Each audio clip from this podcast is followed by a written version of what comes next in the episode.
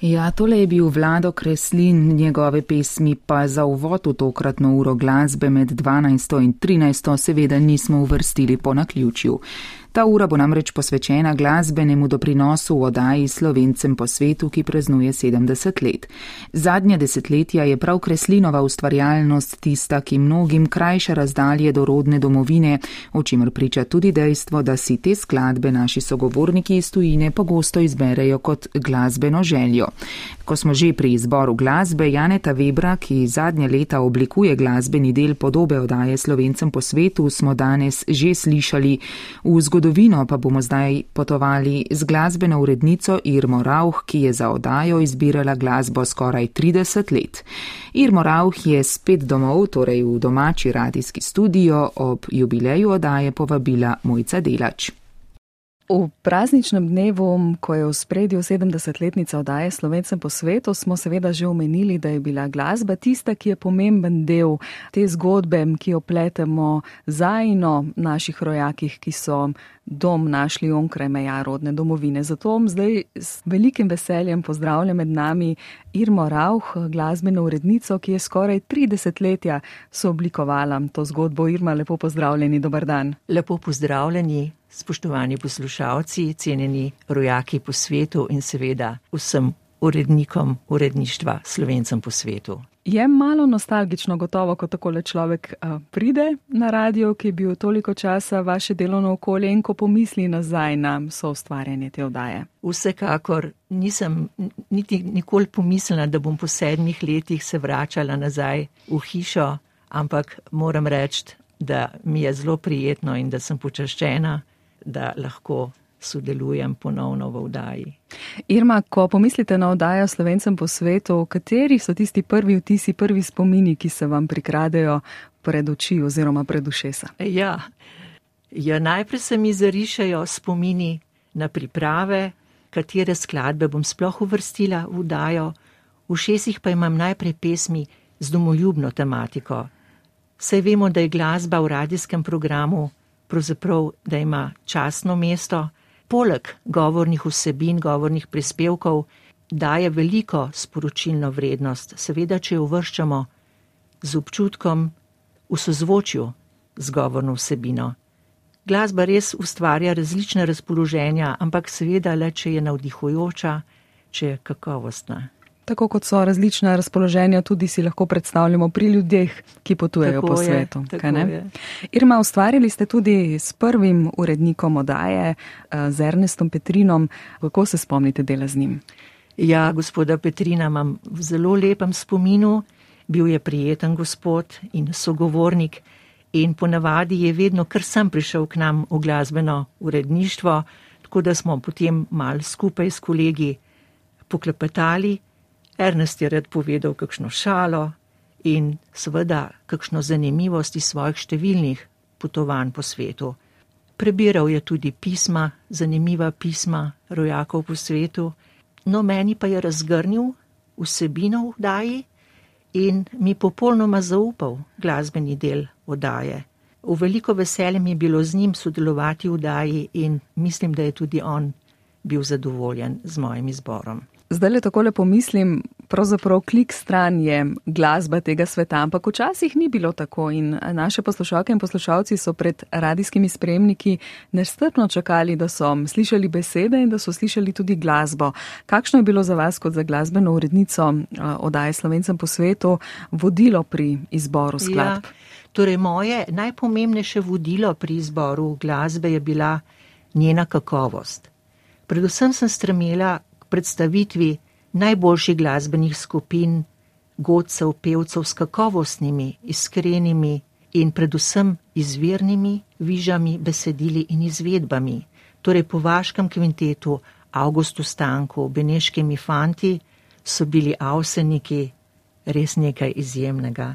Postavili so seveda temelje narodno-zabavni glasbi in na široko odprli vrata naslednjim številnim tudi izvirnim in odličnim ansamblom, kot so bili štirje kovači, ansambl Lojzeta Slaka s fanti Spraprotna, ansambl Borisa Kovačiča, Vilja Petriča, Franca Miheliča, veseli planšari, zadovoljni kranci, dobri znanci, Uh, skratka, ansambl Miha Dovžana in verjetno sem še koga spregledala ali pozabila. Skratka, še bi lahko naštevala. Sprva je bila vdaja daljša, je bilo to tudi več priložnosti za izbor glasbe. Tako je dolga leta je vdaja za naše izseljence oziroma slovencem po svetu trajala kar dobri dve uri. Zato je bilo več priložnosti za glasbeni doprinos. In še malo me zanimajo tista pisma, ki ste jih tudi omenili. So se ljudje odzivali tudi na glasbo, so vam pisali s kakšnimi željami, kako je bilo to takrat? Ja, torej poslušalci rojaki po svetu so se redno oglašali s številnimi pismi, pozdravi, željami, tudi svojimi glasbenimi željami. Bili so navdušeni, saj so v teh skladbah našli košček svojega otroštva, svojo domačijo, ljubezen, rodno zemljo in seveda svojo lepo domovino. Tako da je ogromno pošte prihajalo v uredništvo, uredništva slovencem po svetu. Eh, še posebej v prazničnih oddajah, uh -huh. to je bilo ob crkvenih, državnih praznikih eh, in poslušanost oddaje je bila izredno velika. Irmo Rau gostimo v radijskem studiu, spoštovane poslušalke, cenjeni poslušalci, ob tej posebni priložnosti in dnevu, ko obeležujemo 70 let oddaje slovencem po svetu. Irma, če bi danes človek pogledal takole pod palec, veliko krat vprašamo um, naše sogovornike in sogovornice, ko jih pokličemo v tujino, naj si izberejo kakšno skladbo, ki jim je ljuba. Zelo veliko krat um, omenijo vlada Kreslina in njegove pesmi, um, brez izjeme pa pravzaprav vsak domalce vzdih vzdihne in se nostalgično ob glasbi in takšni ali drugačni, ki jo izbere, spomni na domovino. To priča o tem, kako pomembna, pomemben gradnik vezi je torej tudi glasba. Verjamem, da ima vlado Kreslin danes tak, tako visok status, ker je odličen pevec, avtor in izvajalec. Ampak pred nekaj desetletji pa je bil vlado šele uspenjajoča se zvezda. No, in moram reči, da starejša generacija pa sem še zdaj prepričana, da si še vedno pretežno želi narodno zabavne glasbe, torej slovenske ljudske pesmi, zborovske in pa te zimzelene melodije. Torej osebno pa sem mnenja, da je trenutno več dobrega popa kot narodno zabavne glasbe. Ne glede na zvrst, pa se strinjam, glasba združuje in je gradnik vezi z domovino. Irma, če bi lahko kakšno misel dali za vse ustarjavce in vse poslušalce oddaje Slovencem po svetu ob 70-letnici? Kaj bi rekli? Vdaji vsem ustvarjavcem, urednikom, eh, ki so in seveda še ustvarjajo in z besedo in glasbo združujejo rojake in njihove potomce po svetu, želim še veliko, veliko dobrih vdaj in pa seveda prisrčen pozdrav vsem poslušalcem prvega programa Radia Slovenija in slovencem po svetu. Kaj ti tukaj ste doma in tukaj so doma, a če ne prej pa ob petkih zvečer po 21. uri. In ta dom torej druži tudi glasba in ob tej posebni priložnosti, Irma, boste tako kot včasih za nas v tej urici izbrali nekaj skladb, ki jih bomo slišali v nadaljevanju. Kaj vas je vodilo pri tem izboru? Lahko rečem, da so to biseri slovenske narodno-zabavne glasbe. Uh, izbrala sem torej nepozabno Avsenikovo skladbo Moj rodni kraj, moj rodni dom in pa domovini skladatelja Benjamina Ipavca s slovenskim oktetom. Je pa seveda veliko, veliko lepih slovenskih viš in napevov, eh, šansonov, popevk v arhivu Radia Slovenija in eh, prepričana sem, da bodo te viže odmevale še dolgo na valovih prvega programa Vdaj slovencem po svetu. In še dve bomo dodali, to je pa ansambl Lozeta Slaka, ker brez tiste v dolini tihi pač ne gre in pa fantje z vseh vetrov ne pozabi domovine. To pa je tisto, ne, kar želite z glasbo tudi, da jih dajo ljudje. Poslušajo, slišijo, se jih dotakne in gotovo bodo ob tem pomislili tudi na kakšno zgodbo, ki ste jo znova Irma Rauh zbudili v njih. Upam. Najlepša hvala, da ste si vzeli čas, da ste prišli in eh, čestitke tudi vam za pomemben doprinos v vseh teh letih zgodovine oddaje Slovencem po svetu in za vso glasbo, ki ste jo izbrali. Lepa hvala, mojca. Eh, hvala tudi tebi za povabilo v oddajo. In moram reči, da sem ponosna, da sem lahko sodelovala pri njej in kar ne morem verjeti njeni častitljivi obletnici. Slovencem po svetu. Že 70 let.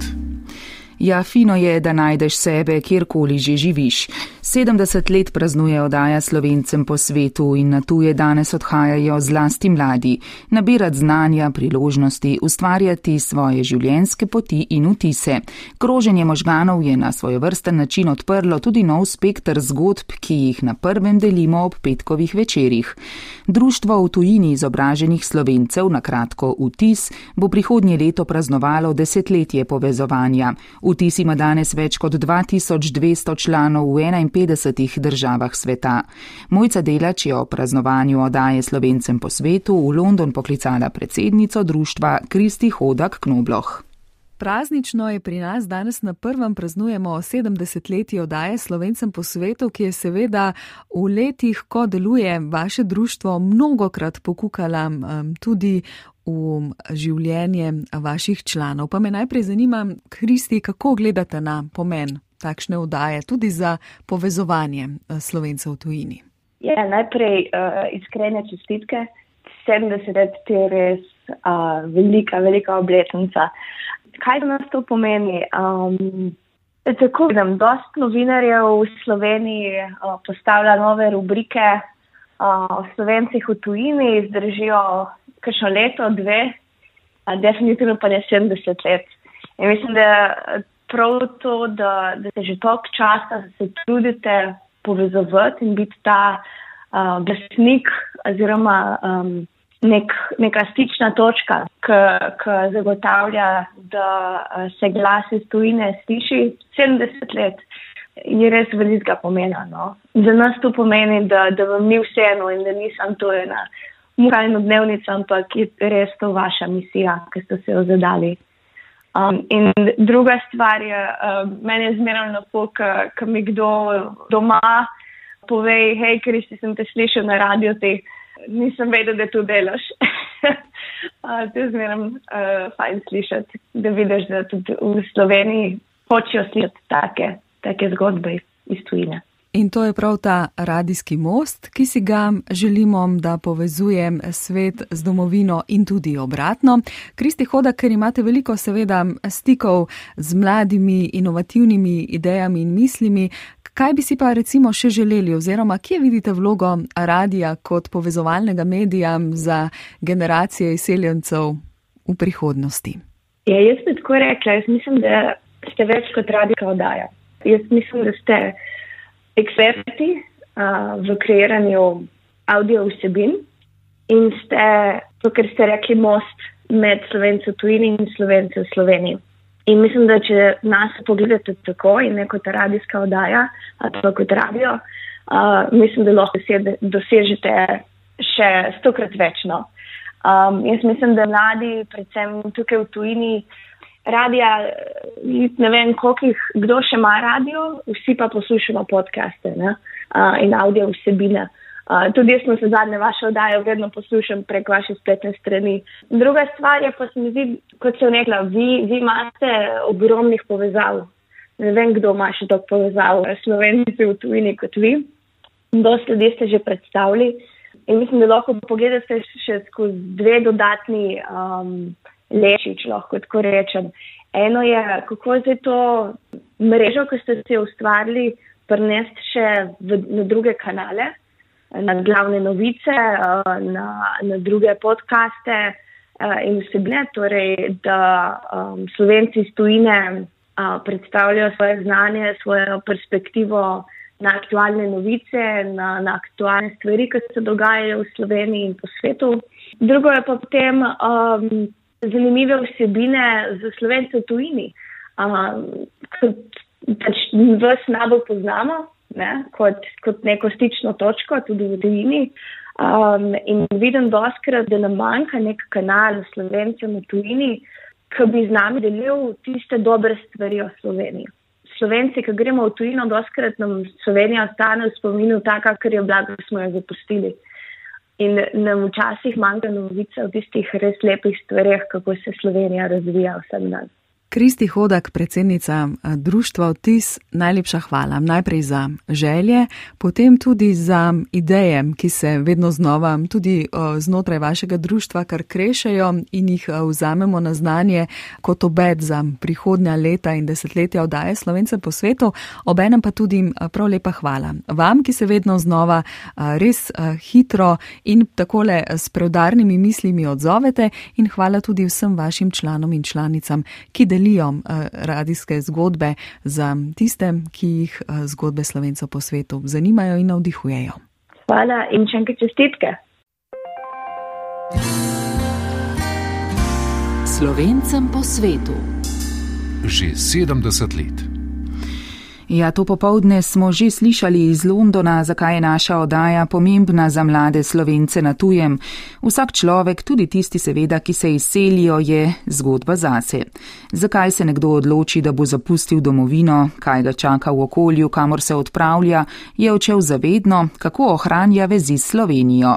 S Sašo Mrak Hendrikson, ki živi v Fairfax Stationu v ameriški zvezdni državi Virginia, se je o občutenju izseljenstva pogovarjal naš dopisnik iz Washingtona Andrej Stopar. V zvezdnem okrožju Kolumbija, ki obsega ameriško glavno mesto, in v zvezdnih državah, ki ga obdajata Virginiji in Marylandu, ni večje skupnosti ameriških slovencev oziroma slovenskih američanov, kar pa še ne pomeni, da slovenci v tej regiji ne živijo razpršeno. Zaradi več valov izseljevanja slovencev v Združene države od poznega 19. stoletja naprej je danes mogoče slišati različne izkušnje izseljencev in njihovih potomcev in podarke določa že izbira predstavnika rodu. Zanimalo me je, kako na izseljevanje gleda nekdo, ki se je za pot iz domovine odločil relativno nedavno, a z zavedanjem, da njegova usoda ne bo zdomska, ampak zelo verjetno prav izseljenska. Izbira sogovornice je bila zato zame logična. Saša Mrak Hendrikson prijateljujeva, zato tudi bližino izražava stikanjem. Pripeljal me je zdaj moj mož, s katerim sva se leta 2015 junija spoznala v Ljubljani. Moj mož namreč dela v diplomaciji, v Slovenijo so ga poslali za en mesec in eh, drugi dan po njegovem pristanku sva se preko zdaj skupnega prijatelja spoznala v stari Ljubljani in peti dan ugotovila, da je to to in da želiva ostati skupaj do konca življenja. Ljubezenske zgodbe pravzaprav so zelo pogost vzrok, da se človek odloči, da gre na tuje, pa ve, kaj pravzaprav s tem tvega, kaj se podaja. Zato, ker živeti na tujem je pravzaprav nekaj običajno, precej drugačnega kot živeti doma. Razlika je ogromna. Razlika je ogromna, je druga kultura, drugo okolje, nimaš ob sebi prijateljev in družine, seveda imaš preko razno raznih naprav, ampak je vseeno drugače. Drugačen je sistem, sistem zdravstva, sistem bančništva. Še enkrat sem morala delati izpit za avto, teoretični in praktični, skratka vse začenjaš znova. Še posebej je razlika med Slovenijo in Ameriko, um, ker je Slovenija država, ki je še vedno mnogi ne poznajo in tudi ko iščeš službo, uh, ko menjaš kariero. Ne veljaš morda toliko, kolikor si veljal, ne glede na izkušnje, ne glede na to, recimo, da imam jaz MBA, ni isto, ni isto. In pravzaprav začneš znova. In tega se moraš zavedati, ko se seliš in priznam, da, se, da sem se, ampak ne v tolikšni meri, kot me je potem ta sprememba zadela. Kaj pa človeka najbolj presenetilo v Ameriki? Mojem tisto, kar vsi beremo, bizarnost in stopnja kriminala, predvsem njihova težava z orožjem. V pozitivnem smislu me je pa presenetila pravzaprav iskrena prijaznost ljudi. Morda sem jaz v okolju, ki je bolj prijazno, ker pač smo v bližini um, glavnega, centra glavnega mesta, ki je seveda bolj uh, mednarodno in odprto in multikulturno okolje. ampak prijaznost ljudi na vsakem koraku je tisto, kar ti še tako slab dan lahko polepša, ko prideš recimo vem, v trgovino ali k frizerju ali k zdravniku. Kaj je za te Amerika? Kako jo ti doživljaš? Kaj je, kakšna država, kakšno okolje, kakšna družba je to? Za me je Amerika dežela neštetih obrazov, neštetih priložnosti, možnosti in tudi pasti. In je pravzaprav dežela, kjer se moraš sam znajti v njej ni država, kjer bo za te poskrbel sistem. Zelo individualistična družba. Ne? Ja, je individualistična družba, ampak bom še enkrat rekel, je tudi družba, ki zna pomagati in stopiti skupaj, ko je treba. Je pa družba, ki pričakuje, da se znajdeš sam in da se potrudiš po svojih najboljših močeh. Tako jo jaz doživljam. In bom še enkrat dala še pozitivno plat, dnevno imamo akcije zbiranja za uh, mame, ki so ostale brez vsega, za družine, ki so se priselile uh, kot begunske družine. Mi dnevno dajemo od sebe stvari, ki jih ne potrebujemo, ker se za to angažirajo druge družine, ki potem povežejo ne vem koliko družin okrog mene. In vsakodnevno zbiramo stvari in skušamo pomagati na svoj način. Uh, Ampak ja, načeloma pa potem si pa od tu naprej na, na svoje. Ne. Torej, poroka, otrok, življenje doma z otrokom na začetku, na to pa karijera, pravzaprav nek poskus uh, graditi kariero znova. Uh, na katerem področju? Moja karijera na zadnje je bila vodenje uh, neprofitne organizacije v Sloveniji, Združenja Manager, relativno v redu situirane uh, organizacije, zelo dobro situirane organizacije.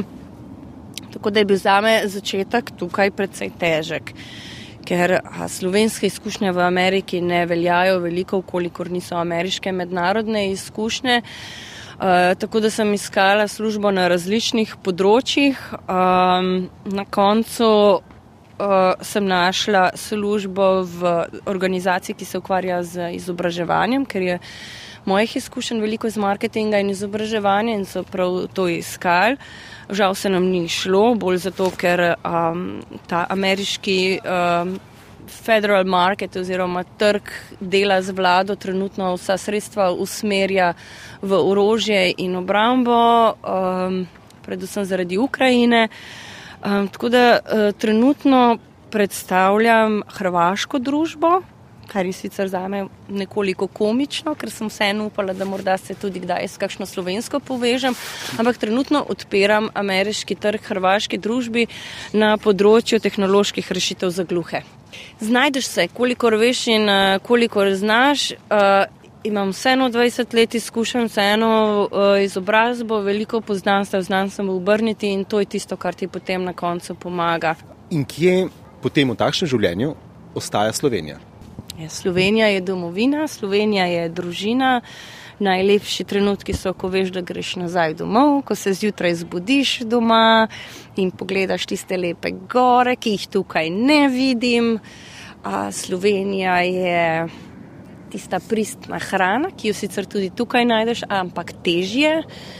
Um, to je tista Slovenija in pa seveda kontakti z mojimi prijatelji, prijateljicami, tudi znanci, kolegi, tudi poslovnimi, tudi diplomatskimi, eh, s katerimi delimo izkušnje. Kar bi rada morda pri tem rekla, kje je tu Slovenija? Slovenija je tu v srcu in se sliši morda okorno, ampak nikoli v življenju mi ni šla kurja pot pri poslušanju zdravnice, šla mi je pa na sprejemu na veleposlaništvu po letu in pol bivanja v Ameriki. Potem mačken drugačen odnos dobiš do svoje domovine. Ne glede na to, da sem tukaj srečna in zadovoljna in da imam rada Ameriko, Slovenija je Slovenija je tvoja država. Ampak načrtov za vrnitev v Slovenijo pa ni, ne? Si izseljenka. Jaz sem izseljenka, nisem niti več rezident Slovenije, ker bi sicer morala plačevati dvojne davke. Um, ne, načrtov za nazaj ni, saj še nekaj časa ne. Uh, tu imamo dve leti staro punčko, ki rabi očeta in mati in tudi prav je tako in uživam tukaj, tako kot se uživam tudi vrniti v Slovenijo na obisk. Tako je Saša Mrak Hendrikson končala svoje razmišljanje o svojih domovinah, pravi in adoptivni. Pogovarjala so se v starem mestu Aleksandrija, ki na Washington z Virginijskega brega zre čez reko Potomak. Že izbira mesta je ustvarila posebno ameriško kuliso. Sestala so se na pol poti, ekonomično in racionalno. In če ste pozorno poslušali, ste nedvomno slišali nenehne prelete letal. Približno vsaki dve do tri minute pristajajo na bližnjem nacionalnem letališču Ronalda Reagana. Tudi to je del utripa nove Sašine domovine, Združenih držav Amerike. Slovencem po svetu. Že 70 let.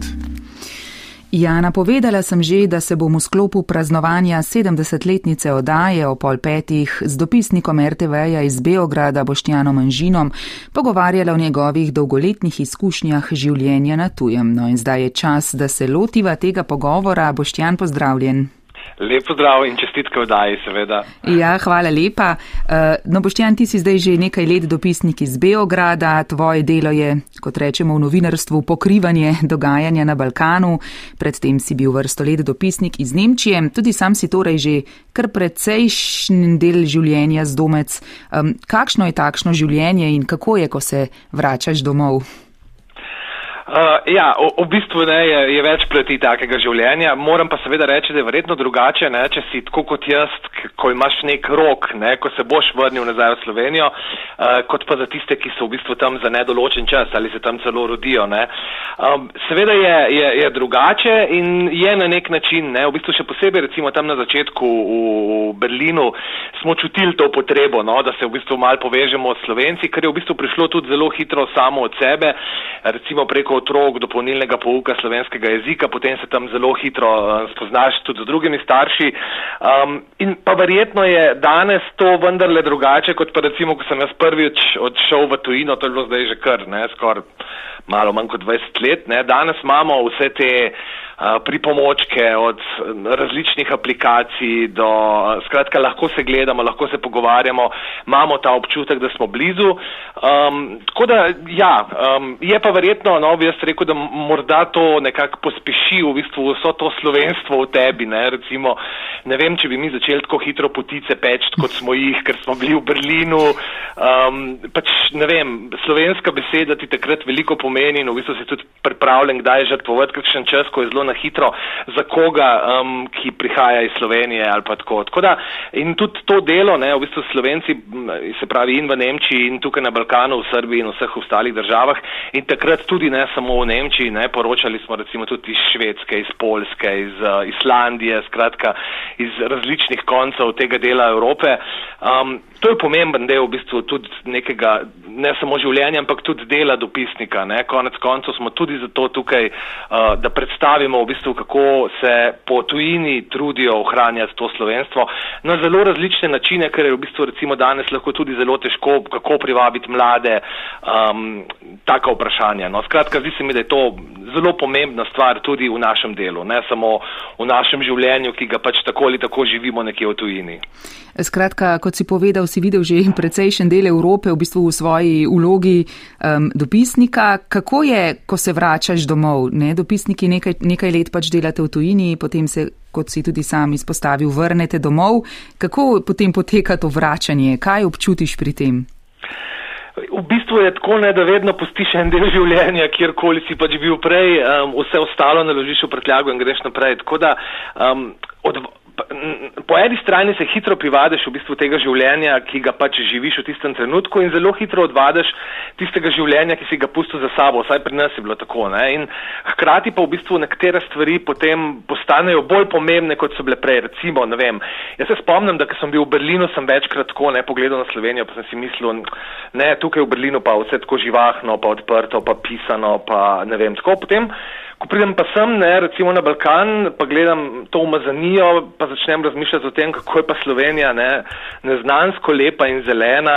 Um, tako da jaz, jaz se zelo rad vračam in v bistvu se tudi naši otroci radi vračajo, ki so v bistvu tisti, ne, ki, s katerimi je recimo temu bom rekel, problem ali pa ga ni. Ne? Torej, smo mi starši in v bistvu vsa ta infrastruktura, tudi slovenska, okrog tukaj v tujini, tisti, ki ti pomagajo, da v bistvu otroci usvojijo ta materni jezik. Mi smo se vse čas trudili, da vsakič, ko smo se vrnili v Slovenijo, sta otroka ohranjala v bistvu stik s svojim razredom v osnovni šoli, kjer sta bila vsega skupaj v Sloveniji leto in pol sicer, ampak da imata neke te vezi, ne? torej, da ko pridete nazaj v Slovenijo, da je tam nekdo, ki jih čaka, um, nekaj, česar se tam veselite počitnice. Da, po drugi strani pa seveda recimo za take otroke ne, potem zelo hitro postanejo počitnice v Sloveniji, tako kot en velik dedek mraz, ne, prideš vsake toliko časa, potem so tam babice, detki, darila, prijatelji in vse tako mal idealizirano, no, potem smo se pač preselili za tisto leto in pol in ste videli, da je vendarle življenje posem običajno tudi v Sloveniji. No.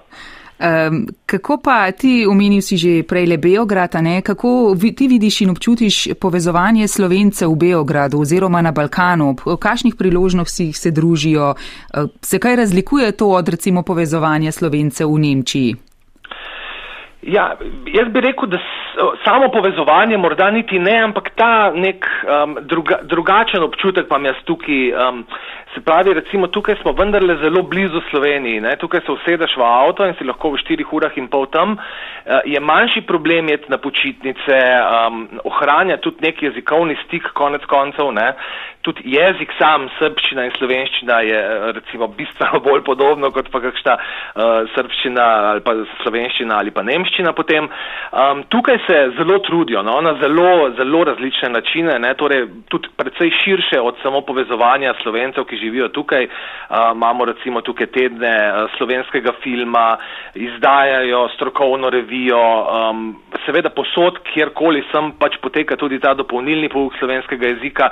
Tukaj to še bolj povdarjeno, ker pač obstaja na filološki fakulteti um, lektorat za slovenski jezik, um, ki seveda ima ogromno študentov, ne, torej tistih, ki se vsaj za eno leto ali pa za dlje potem srečajo z slovenščino, imajo priložnost, da se jo učijo. In tukaj v bistvu ne, bi rekel, da, da to slovenstvo dost bolj cenijo v tem smislu, da menijo, da bi jim lahko v prihodnje prišlo prav. Ne? Se pravi, če ne njim, njihovim otrokom, eh, torej da imajo to možnost, da če so slovenci, da morda tudi enkrat tam študirajo, potem da morda tam enkrat najdejo službo.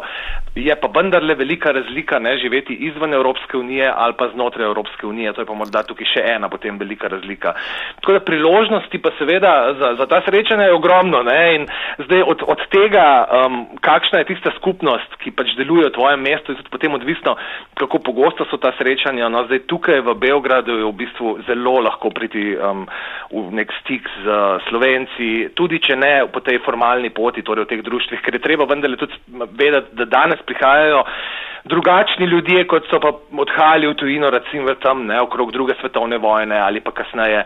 Um, danes je to vse lažje, danes uh, v bistvu ni to neka ogromna prelomnica v življenju, lahko greš tudi samo probat svoje življenje v Berlin za par mesecev, pa se potem vrneš.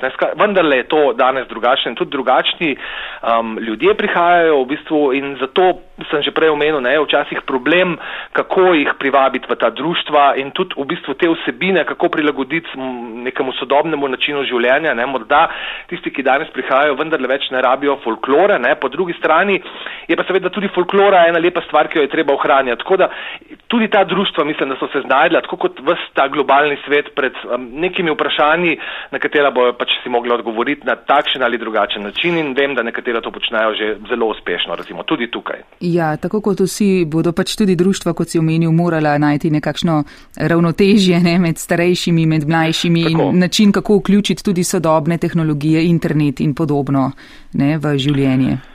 Ja, to je pač dejstvo, tako kot se spreminja vse ostalo, se spreminja tudi ne, življenje slovencev po svetu, mm -hmm. bomo rekli. Ne, in se pravim, danes so razdalje, vse razdalje krajše, um, danes so marsikatere težave slovencev recimo um, zelo hitro rešljive. Ne vem, danes obstaja en kup skupin na socialnih omrežjih, kjer lahko zelo hitro najdeš prevoz, kjer lahko zelo hitro zveš kakršnokoli vprašanje v bistvu tebe kot slovenca zanima. Ne, kaj moram zdaj za eno dokumentacijo urediti za to in to imaš takoj 20 ljudi, ki so ti pripravljeni priskočiti na pomoč, tako da v bistvu niti ni nujno, da v tistem trenutku iščeš neko društvo ali pa neko um, skupino slovencev, s katerimi bi potem lahko ne, preživljal, tako kot so včasih, so se pač dobivali enkrat na teden ali pa um, redkeje. Ne. Danes ta kontakt poteka zelo hitro um, in v bistvu tudi danes marsikdo, v bistvu, ki pride meni, da ne potrebuje več tega, da bi zdaj nekdo um, v nekem društvu ne, ga učil folkloro in druge stvari. Pač, kot že rečeno, no, časi, se, časi se pač spreminjajo. In se ljudje tudi bolj ad hoc nekako združujejo ne, po spletnih uh, ja. omrežjih. Um, dobro, Boštjana Žin, najlepša hvala za tole tvojo izkušnjo in pa seveda veliko zadovoljstva tudi v druženju Slovenci v tujini, kamorkoli te bo pač pot že zanesla. Najlepša hvala. To druženje Slovenci, moram reči, no, za, za konec morda bilo veliko službenih priložnosti in to so bila vedno zelo prijetna srečanja, pa tudi vedno srečanja, kjer si kaj novega odkril, ne? ali si šel v bat urah, um, primo štruba, razgodovina in tako naprej. Tudi tukaj, recimo, ne? ni, ni društvo samo v Beogradu, so društva tudi drugot um, in kadarkoli prideš, v bistvu poskušajo na vsak način ne samo predstaviti svoje slovenstvo, ampak tudi kraj, kjer uh, živijo in kjer so pogosto Slovenci pač pustili neko sled. Tako da to delo um, je tudi v vsakem primeru zanimivo Slovenci po svetu. No, no torej se boš zagotovo tudi ti sam še marsičesa naučil. Absolutno. Eh, hvala lepa, Boštjan, in seveda lepo zdrav, Beograd. Lepo zdrav. Ja, od Beograda do Clevelanda v Ohaju v Združenih državah je malo več kot en korak, ampak kjer je volja, je tudi pot. Zato se zdaj po telefonu selimo v Cleveland, kjer živi zelo številčna skupnost slovencev in njihovih potomcev. Tudi ob pomoči slovenskega generalnega konzulata, ki deluje tam, pripravljajo številne prireditve, festival polke, festival kranskih klobas, čebeli zajtrk, kurentovanje in nekatere od njih privabijo tudi več tisoč obiskovalcev, no več pa nam bo zdaj le povedal, povedal Luka Zibelnik, ki ga torej pozdravljam po telefonu. Luka, dober dan. Uh, dober dan. Uh, in najprej čestitke ob 70-letnici od, oddaje, uh, ki je za slovence po svetu res, res uh, nepogrešljiva. Uh, hvala vam in, in seveda pozdrav vsem poslušalcem. No, najprej seveda hvala lepa za čestitke. Um, torej, kot sem povedala, v Clevelandu se vedno kaj dogaja med slovensko skupnostjo. Včeraj je bil v Združenih državah eden od največjih tamkajšnjih praznikov, zahvalni dan. No, danes oziroma ta konec tedna je pa v Clevelandu posvečen slovenski polki, kot jo igrajo tam. Uh, in praznik polke je nekako nalašč načrtovan prav ob zahvalnem dnevu. Zakaj gre pravzaprav in kaj se bo dogajalo zdaj v prihodnjih treh dneh? Ja, e, ta polka vikend za zahvalni dan v Clevelandu poteka že 58-tič. V preteklosti jo je v glavnem organiziral znani clevelandski radijski voditelj Toni Petkovšek, ki pa žal preminil med pandemijo. Zdaj celo reč nadaljuje vsem, tudi vam dobro znani Joe Valenčič, v sodelovanju z drugimi uh, obrazi sloven, klivensko-slovenske polke, torej gre za klivensko-slovensko polko, ne za slovensko polko. Ne. Ta pa ne privablja samo slovencev, slove se pridobila celo na nizozemskem, kar je čist neka bizarna stvar in seveda med ameriško publiko. Uh, nekaj časa so za njo uh, podeljevali celo gremije v, v ZDA. Ta zabava, uh, ti koncerti trajajo več dni, uh, večina obiskovalcev uh, je tam v hotelih. Zakaj pa je na Thanksgiving weekend, torej na, na zahvalni dan, je pa zato, ker, uh, ker takrat je večina ljudi, uh, ima večina ljudi dela proste dneve. Skratka, imajo čas za zabavo. Ja, Tako je, tako je. Uh, no, omenila sem že v vodu naj pogovor, da se slovenci v Clevelandu, namreč tam je zelo številčna slovenska skupnost, veliko srečujete in ob uh, različnih priložnostih. Kaj je tam najbolj tipično slovenskega oziroma kaj slovenskega je najbolj popularno? Ja, v slovenski skupnosti se neprestano kaj dogaja. Uh, Pred kratkim smo zaključili slovenske dni v Clevelandu skupaj z generalnim konzulatom in odlično generalno konzulko Alenko Jerak in vsemi sodelujočimi, seveda, ker na voljo je bilo cel teden dogodkov, tako od kulturnih pa do, pa do kulinaričnih.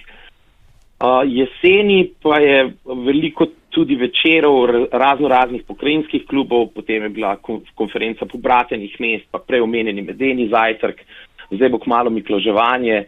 Uh, lektorati po svetu pa pripravljamo tudi svetovne dni slovenske kulture in literature, uh, kjer bomo letos pripravili nov odličen, predstavili nov odličen projekt uh, stopenskega branja slovenščine za študente. Uh, ki je na teh knjigah, na teh uh, nekaj knjigah, ki so, ki so zdaj uh, bile izdane, so kolegi ogromno delali in jih težko pričakujem, uh, ker je bilo ta, teh vsebin v preteklosti malo manj oziroma jih je manjkalo in smo jih morali pripravljati uh, sami. Uh, Največji dogodek ali pa splet nekih dogodkov uh, je pa cel februar. Februar je uh, v, v Clevelandu, pravzaprav cel, cel februar je slovenski, imamo kurentovanje, ki pritegne okoli 10 tisoč ljudi. Uh, v slovenski narodni dom in bo zopet uh, drugo leto trajalo več kot en teden, pa potem kulturni, kulturne dneve, kulturni dan, uh, ki ga pripravljamo s celotno slovensko skupnostjo in tako naprej. Uh, no, Luka... Kratka stvari je. Ogromno. ja, Luka, prej ste že omenili na kratko slovenski jezik, vi ste lektor slovenskega jezika. Pa povejte, prej smo recimo slišali Boštjana Anžina, našega dopisnika iz Beograda, ki je razložil, da se tam veliko ljudi uči slovenščine, ker želijo enkrat v prihodnje poskusiti tudi življenje v Sloveniji. Zakaj se pa v Clevelandu uh, učijo slovenščine? Uh, na ta zakaj, to, to vprašanje dobim zelo, zelo veliko krat. Na ta zakaj si vedno odgovorim samo zakaj pa ne. Uh, nek, nekateri seveda se hočejo uh, pobližje seznaniti s Slovenijo, tudi nekateri se preselijo, nekateri imajo poslovne stike. Uh, Uh, učijo pa se tako američani kot sloven, uh, študentje s slovenskimi koreninami, uh, ampak v svoje spletne razrede, ki so odprti za cel svet, pa redno dobim tudi kanačane, mehičane, uh, letos je celo en južnokorejski in en japonski študent, recimo. Tako da ni to samo zdaj Amerika oziroma samo Cleveland. Uh, ja, no, tam, z, ja.